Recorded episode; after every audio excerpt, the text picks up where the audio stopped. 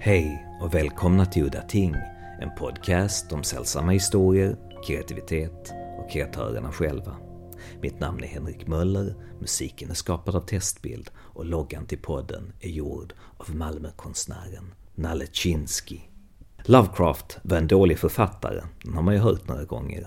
Ett gammaldags träigt språk, onödigt utsmyckat och omständigt skrivet. Dagens avsnitt ska handla om Lovecrafts prosa. Och vi får kanske tänka om lite, för dagens gäst har verkligen bra argument. En sak som är säker, det är att Lovecrafts språk är svårt. Och jag satt med ett lexikon i handen när jag läste som tonåring. Men jag kan i alla fall erkänna att det är mitt ordförråd som inte är rikt nog och inte Lovecraft som en dålig författare. Hela Lovecrafts grej var ju att lyriskt bygga upp en märklig och skrämmande atmosfär med väl valda ord och sin egen struktur. Ungefär som en musiker som med noter komponerar ett stycke musik. Dagens gäst är Lovecraft-forskaren Stephen Mariconda och det är han som ska guida oss och jag tror att Lovecrafts mästerliga prosa kommer framstå i ett nytt ljus. So I began to read Lovecraft like most people at a young age as a teenager. At the time that I began to read Lovecraft, there were no, very few other paperback books. There was no online bookstore. Local bookstores were poor. Local libraries were poor. And I, I ended up rereading Lovecraft, uh, reading it and rereading it in the Ballantine paperbacks. And I reread it many, many times and I enjoyed it. And every time I reread it, I would see new things. I would notice commonalities across stories. In the Linderman Library, I discovered uh, four decades of criticism, um, which was there, and I also discovered uh, the volumes of Lovecraft's letters. And I, I read in them deeply, and I saw in the letters that Lovecraft had a definite approach to prose style. He, he makes some very detailed comments about his approach and how to go about writing weird fiction. He explains it in quite a lot of detail across these five volumes. And I, I really spent a lot of time very deeply into the letters. And later, when I graduated from college, I got in touch with R. Alain Everts, through the mail. He was the editor of the Necronomicon Amateur Press Association. I had an idea that I would like to write an article about Lovecraft prose style because I was upset by the many comments that said that Lovecraft was a poor writer. He was a poor stylist of prose, and he was his prose was quote unquote atrocious, quote unquote purple, et cetera, et cetera. And I fundamentally did not believe that. Uh, I believe that Lovecraft's purpose was um, mindful and that he wrote specifically with that in mind. Fortuitously, at the same time, I found a book called The Prose Style of Samuel Johnson by W.K. Wimsatt, and it was just by happenstance one of the greatest studies of prose styles ever written, even to this day. Uh, I've read many studies of prose styles, but this is one of the best. And Wimsatt dissected Samuel Johnson's prose in a very specific way. And after reading the book, it occurred to me that I could apply the methods I saw in the Wimsatt book to Lovecraft and then complement them with my understanding of the letters and the stories. I could show by example, step by step, each of the type of rhetorical tools and approaches that Lovecraft used originally I had examples from all different stories. And he suggested, why don't you just pick one story and use that story as the basis for all the examples? And I decided to pick The Haunter of the Dark, which, of course, was one of Lovecraft's last stories and had a lot of good examples of the many uh, rhetorical uh, devices and tropes that Lovecraft used. Could you give me an example how it works, how he creates this verbal effect? As we know, um, and as he says in the letters, he was very, very influenced by Samuel Johnson and uh, other writers of that period. And those writers were very interested in, in rhetoric and in rhetorical tools. One example, one of the main examples that uh, I use there is what is called a periodic sentence. Just to oversimplify, there, there are two kinds of sentences there's the paratactic sentence, which is this kind of short sentence with no commas um, that you find more in Lord Dunsany you know, it's like subject, verb, maybe noun. periodic sentences tend to have subordinate clauses and, and they tend to be longer and more complex. Uh, they have um, subordinate clauses that are separated by semicolons or dashes or commas. So the initial thing is that clearly Lovecraft was using these periodic sentences as almost uh, a kind of a music where he could he could use uh, rhythm or or cadence to make to sort of make uh, a, a kind of an incantation with the the rhythms and the sounds of the words. So the example in there is a passage where Robert Blake is in the tower and he sees the shining trapezohedron. There's a paragraph where Lovecraft cuts away and he says, Before he realized that he was looking at the stone again and letting its curious influence call up a nebulous pageantry in his mind, he saw processions of robed, hooded figures whose outlines were not human and looked on endless leagues of desert lined with carved, sky reaching monoliths. He saw towers and walls and nighted depths under the sea and vortices of space where thin black I forget the rest of it. I'm not. I don't have the book in front of me. Oh, you did that from memory? I have your book in front of me now. I was reading it along with you. Uh, what is the first sentence of the next paragraph? If you could tell me. Okay, so it's then all at once the spell was broken by an access of gnawing, indeterminate fear. Right. Okay. Okay. Right. So there you go. So you see what he did there is he he went into kind of a a very pro, like, like almost like a prose poem in the paragraph and then at the end of the paragraph suddenly he pulls up abruptly and pull it's almost as if he's a pilot. And he he pulls up out of a dive. And then he says but all at once the spell was broken. And the, and the rhythm there but all at once the spell was broken. All right. And all at once the spell was broke in. So that rhythm, okay, that rhythm is is like I don't know what the poetic foot is, but he cuts. So if you go back and look at the rhythm of the other sentences, he was looking at the stone again and letting its curious influence call up a nebulous pageantry. So if you look at the word nebulous pageantry, nebulous, nebulous pageantry, curious influence. So so those are, are a different kind of poetic foot. So he in that he's also using um, assonance, which is the same kind of letters um, in in in the poetic prose. So he's deploying a prose poetic effect in the paragraph about what he sees in the shining trapezohedron, but in the next paragraph, he's basically flipping a switch and pulling up and and coming out of that paratactic poetic mode and going back into more of a realistic prose style mode. So that's that's an example, and that's actually in the article. Um, yeah, so the curious influence and the nebulous pageantry, I'm calling that a dactyl.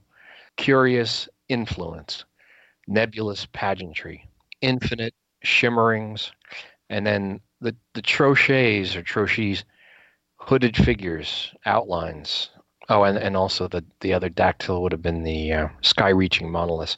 So uh, that's an example. And it, buried within that is the periodic sentence. And then there's also the, the example of uh, balance, um, a, a general term for balance. And there's many different types of balance, but the one type of balance that I talk about is called uh, anaphora, which is a balance where the the parts of the sentence are symmetrical. Okay, so here's an example of parallel structure. Darwin-Chara 104. He felt entangled with something, something which was not in the stone, but which had looked through it at him. So there you have a mirroring where he says, he felt entangled with something, stop, something which was not in the stone.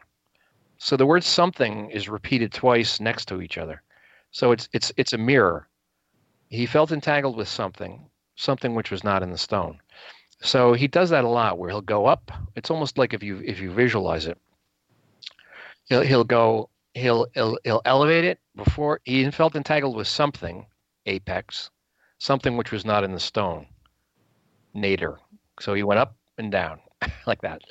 So uh, that, that's just an example. And if you look at any of the first paragraphs, which are always extremely well written, in the color out of space, which is obviously an unbelievably well written story, so he says, west of Arkham's, the hills rise wild. So the rise wild is a long I, rise and wild. Okay. So you have a matching of the of the letter sounds, the vowel sounds, comma, and then he says, and there are valleys with deep woods that no axe has ever cut. So the the rise wild is sort of a sharp vowel, and the deep woods and cut are like a low vowel. So it's almost as if the sentence is imitating the rise of the hills and the dip of the valleys, because it is like west of Arkham, the hills rise wild, and there are deep woods that no axe has ever cut. Here, here's another example of parallelism. Second paragraph. French Canadians have tried it, comma. Italians have tried it, comma. So that's parallel parallelism where you have the noun in the beginning, French Canadians and Italians, and then you have a, a verb, have tried it, a verb phrase. And the last part of the sentence is, and the Poles have come and departed. So there he breaks the parallel, and you can almost see the Poles leaving because the last word of the, last word of the sentence is departed. So it's also very important what he puts at the end of the sentence because when you have this periodic type of um, construction, you're delaying closure till the end of the sentence. And it's almost like a surprise what happens. So he says the French Canadians have tried it, like they came. The Italians have tried it, they came. And the Poles have come and departed, they left. so again, it's almost as if the, the the syntax of the sentence is mirroring is reflecting the content of the sentence. There and there's an infinite amount of i mean you could literally go through sentence by sentence. So here um, if you go down the color out of space starts in the open spaces. I did not wonder that the foreigners would not stay comma for this was no region to sleep in. It was too much like a landscape of Salvator Rosa colon. Again parallelism too much like some forbidden woodcut in a tale of terror. So there, the parallelism too much like a landscape of Salvatore Rosa, number one, too much, and then he changes the stem. He changes the end of the stem, like some forbidden woodcut in a tale of terror. So the first ending is like a landscape of Salvatore Rosa. The second ending is like some forbidden woodcut in a tale of terror. So it's a longer ending. He's trailing it out. And then again, he cuts, throws a switch, and the beginning of the next paragraph starts with the word but. But even all this was not so bad as the blasted heath. And you'll notice that all the, the first six or seven words are all single syllable words. But even all this was not so bad as the blasted heath. So it's like it's like rat tat tat, rat tat tat, rat tat tat, blasted heath. So I was thinking about this never ending argument whether the first person narrative is an effective tool in a horror story or if it just has the opposite effect. Yeah, no, I, I think it's a fantastic tool and uh, it, it, really comes out of Poe. And Lovecraft, uh, you make a very good point again. Uh, Lovecraft really exploited this concept of the first person narrator. And it's important for many, many reasons.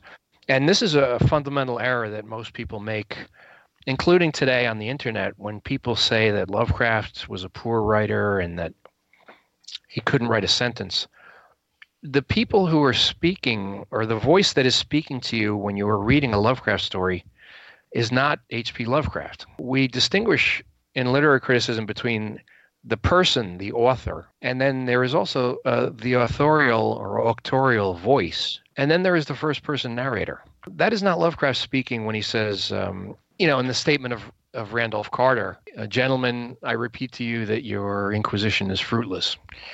That's not Lovecraft talking. That's the statement. That's Randolph Carter. But it's also Lovecraft, the artist, intervening between Lovecraft, the person. So by having a first person narrator, and many of whom have been incredibly almost deranged by the things that they have already seen, uh, they're all writing after they have been exposed to these mind boggling cosmic events, uh, retrospectively, most of them, they are in a panic. They're, they're actually writing in a panic. So the use of the first person narrator gave Lovecraft the latitude to to work the art by putting some distance between his own writing and his authorial voice and, and writing in the voice of the the narrator, which is separate and distinct from Lovecraft.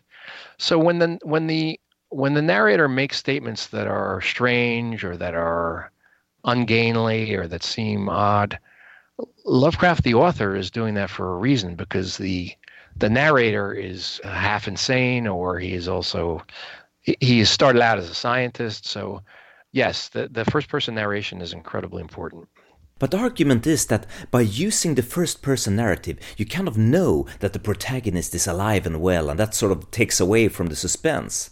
Very true, very true. But Lovecraft got around that, uh, that uh, by, for example, in the Call of Cthulhu, uh, you have several narrators or sub narrators. So you have the the narrator Francis Wayland Thurston, but he is already deceased. Found among the papers of the late Francis Wayland Thurston. So this is similar to Arthur Machen, where he, they find someone finds a notebook, and the narrator is actually conveying. So it's it's almost like a second it's a second level removed. So Francis Wayland Thurston is writing this, but he's now deceased. Um, and Lovecraft in this one doesn't inject himself as the editor.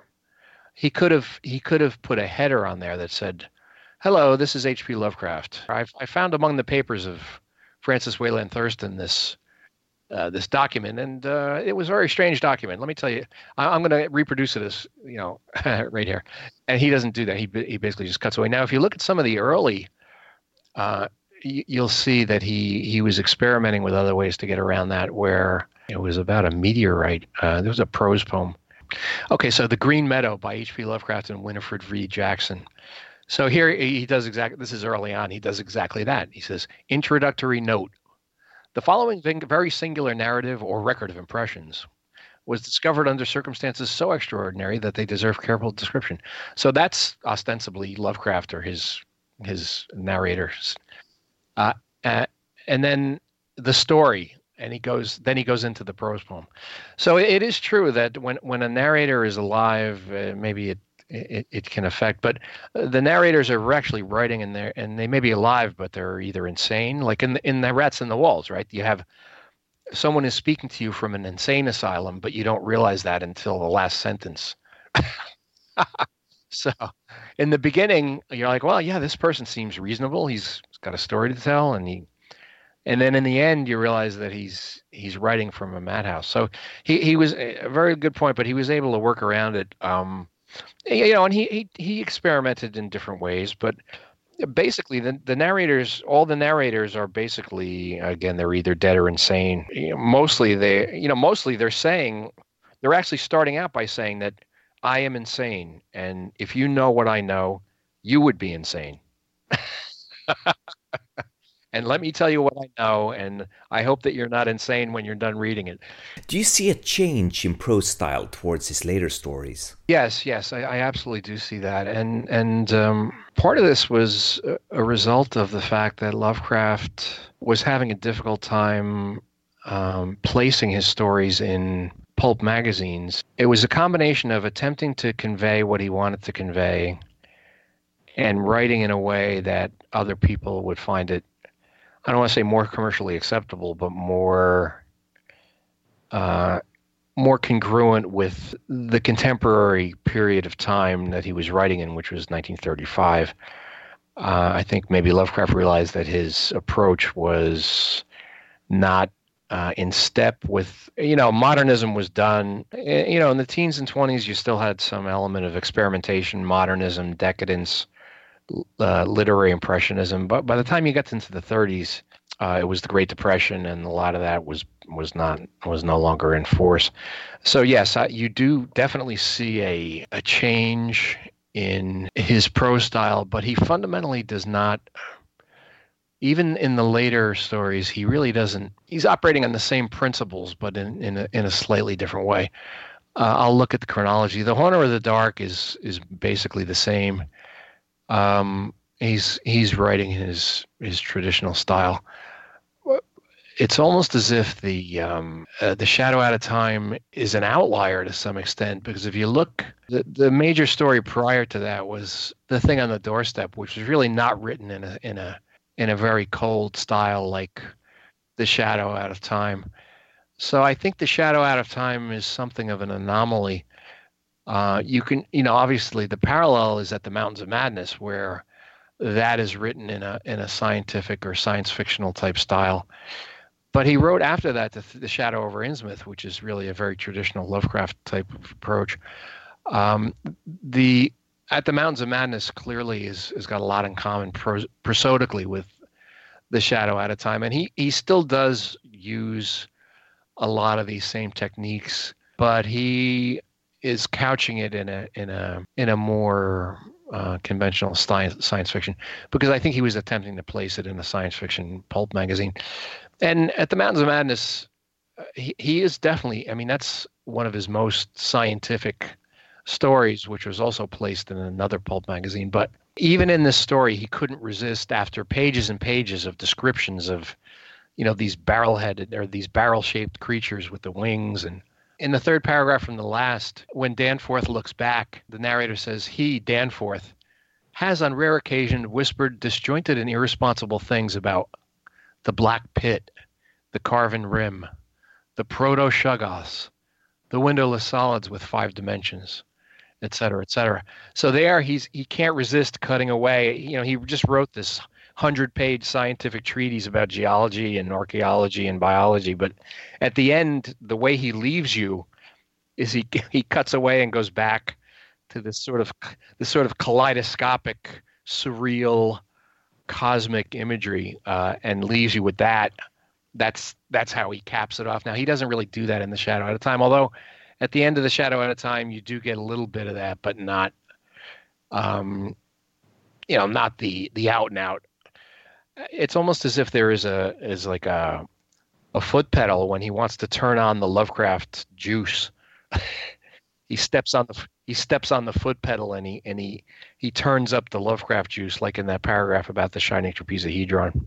I talked to a friend of mine who had this theory that horror writers' stories tend to lose their power towards the end of their life, and the reason for this is that the writers sort of work out what is scaring them and move on to other genres, like Arthur Machen after The White People and Clive Barker who started writing fantasy. Yeah, I think I think that's a legitimate point. I, I think that the psychology of writing horror has a lot to do with your own internal state and I agree with you that Lovecraft, as he got older, like everyone, was able to work out some of his neurosis and you know come to a, a better place psychologically.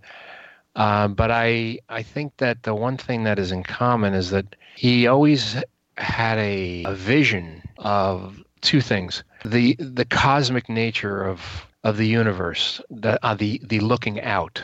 That was one, then the other is the the terrors of the human mind or unconsciousness. That was the inward. So it, it may well be that he worked out the inward somewhat as he went along. Although in Lovecraft's case, I he he may have worked it out on some level, but on a there was a very hard kernel of neurosis that he was never able to work through. And the evidence of this is a very strange story the thing on the doorstep. Sort of the evidence that Lovecraft was still struggling with his neurosis or subconscious problems is the very strange content of the thing on the doorstep, where Lovecraft is very clearly writing something that is very autobiographical, but he appears not to realize it. Lovecraft is basically telling the story of his relationship with his wife. And when I mentioned this to David E. Schultz, I, I said to him that when I reread the thing on the doorstep now, I, I'm almost embarrassed for Lovecraft because he is revealing so much of his dysfunction. And David said to me that, quote unquote, well, he dreamed all that stuff. So I believe David was correct, that I, I believe that Lovecraft was still working material out of his subconscious or unconscious mind and did not have a conscious understanding in some ways of what he was doing. And I think that persisted till the end.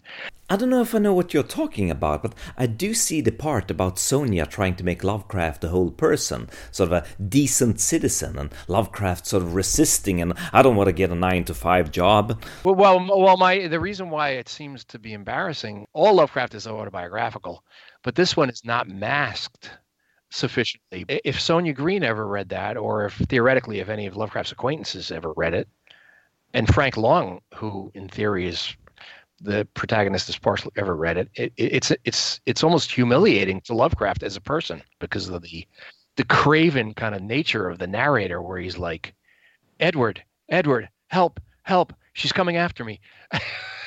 it's like he's, you know, I mean, like he's, and, and how evil the woman is. I mean, there's something unseemly about it, you know, because it's so personal. Yeah, I get that part, but all of that sexual perversion with the wife really being the father, and I don't see any autobiographical part in that. Yeah, I'd, I'd have to go. Yeah, I'd, I'd, be glad to talk to you about it. I have to go back and reread it. You know, just let me tell you a little bit off the top of my head is that uh, it's definitely about Lovecraft and Sonia, but in some ways it's also about Lovecraft and his mother, right? His mother imposed her will on Lovecraft. And in some ways, it may there may be the concept that there was some something controlling his mother behind that, and I don't know what that would have been. Whether whether that was Winfield Lovecraft who went insane, or someone else, uh, or something unknown. But in other words, when Lovecraft's mother went mad, it was almost as if she was possessed. She was harming him. She was inflicting pain on the young Lovecraft up until the age that she died. One element that I found humiliating was that when when the narrator meets Asenath, I think her name is. You know, the way that they interact and the type of comments that the narrator makes. Uh, she was attractive, but she was not that attractive. And I, I can't really articulate it well, but this, if you go back and reread it with that in mind, maybe you'll see it. So, did Lovecraft have a method to his writing, a formula? Yeah, yeah, yeah. He did. Uh, yes, he did. I mean, he he. It was clearly Edgar Allan Poe, um, very much throughout his career. Uh, later, it was Arthur Machen, and I believe it was M.R. James. Machen had the sort of story within a story um, concept where you had maybe nested narratives. So I, I do think that the later stories, which are a lot of people say that there's no plot uh, in Lovecraft, but there is plot because his suggestion was to write out when you're writing a story, write it out two ways. Write out the events in the sequence that they actually happened, and then write out the events in the sequence that you're going to tell them in the story. So he often tells the beginning at the end. So typically a Lovecraft story will go like this, a mature Lovecraft story. Something really bad happened. I hate to tell you about it, but I got into a situation, something happened, and it really did not end well. That's the beginning. And then he'll stop and say, Let me tell you about it. And then he goes back and goes through the whole narrative and he stops. And he says, Up until now, you know, we did this. And then now let me tell you how it ended. And then he ends it.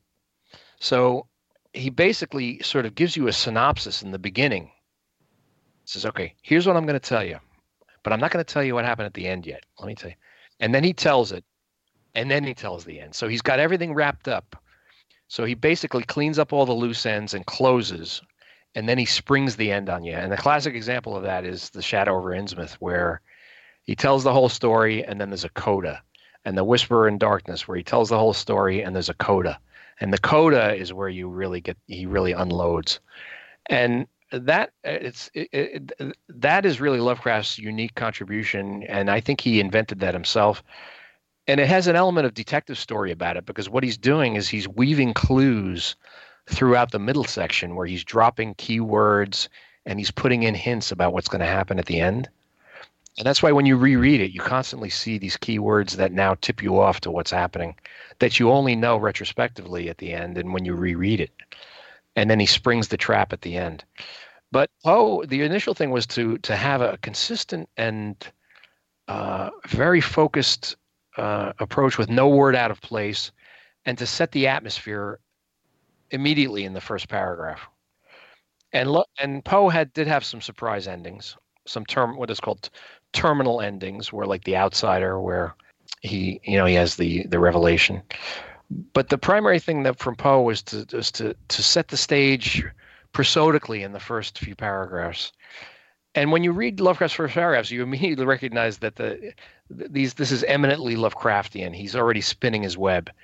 Uh, so that's uh, the, the focus and and the first paragraph setting it up. But then later the whole construct of nested narratives with Machen and then the the concept of the three part you know synopsis synopsis at the front exposition in the middle with clues and wrapping everything up and then coda I think that's his unique contribution.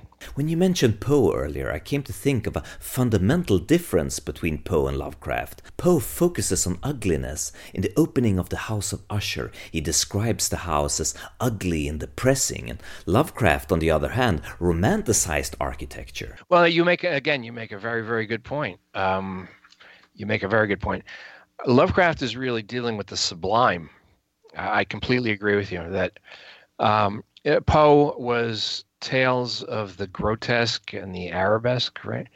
Uh, Lovecraft is really more of the sublime. Uh, there is the sublime in Poe with uh, some of the prose poems and some of the stories, but I completely agree with you. Lovecraft is dealing with the sublime. That Lovecraft has got, in, in some ways, as much beauty as he has terror.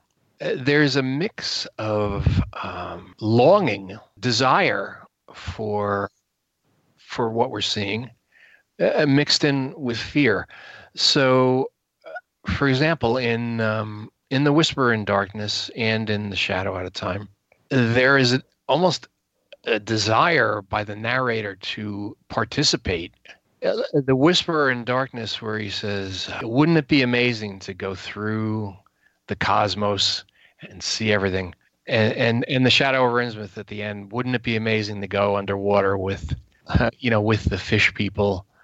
So it's that element of both fear and desire, and of both beauty and terror. There is an element of disgust, but there's an element of soaring, of soaring outwards, loftiness, joining, power.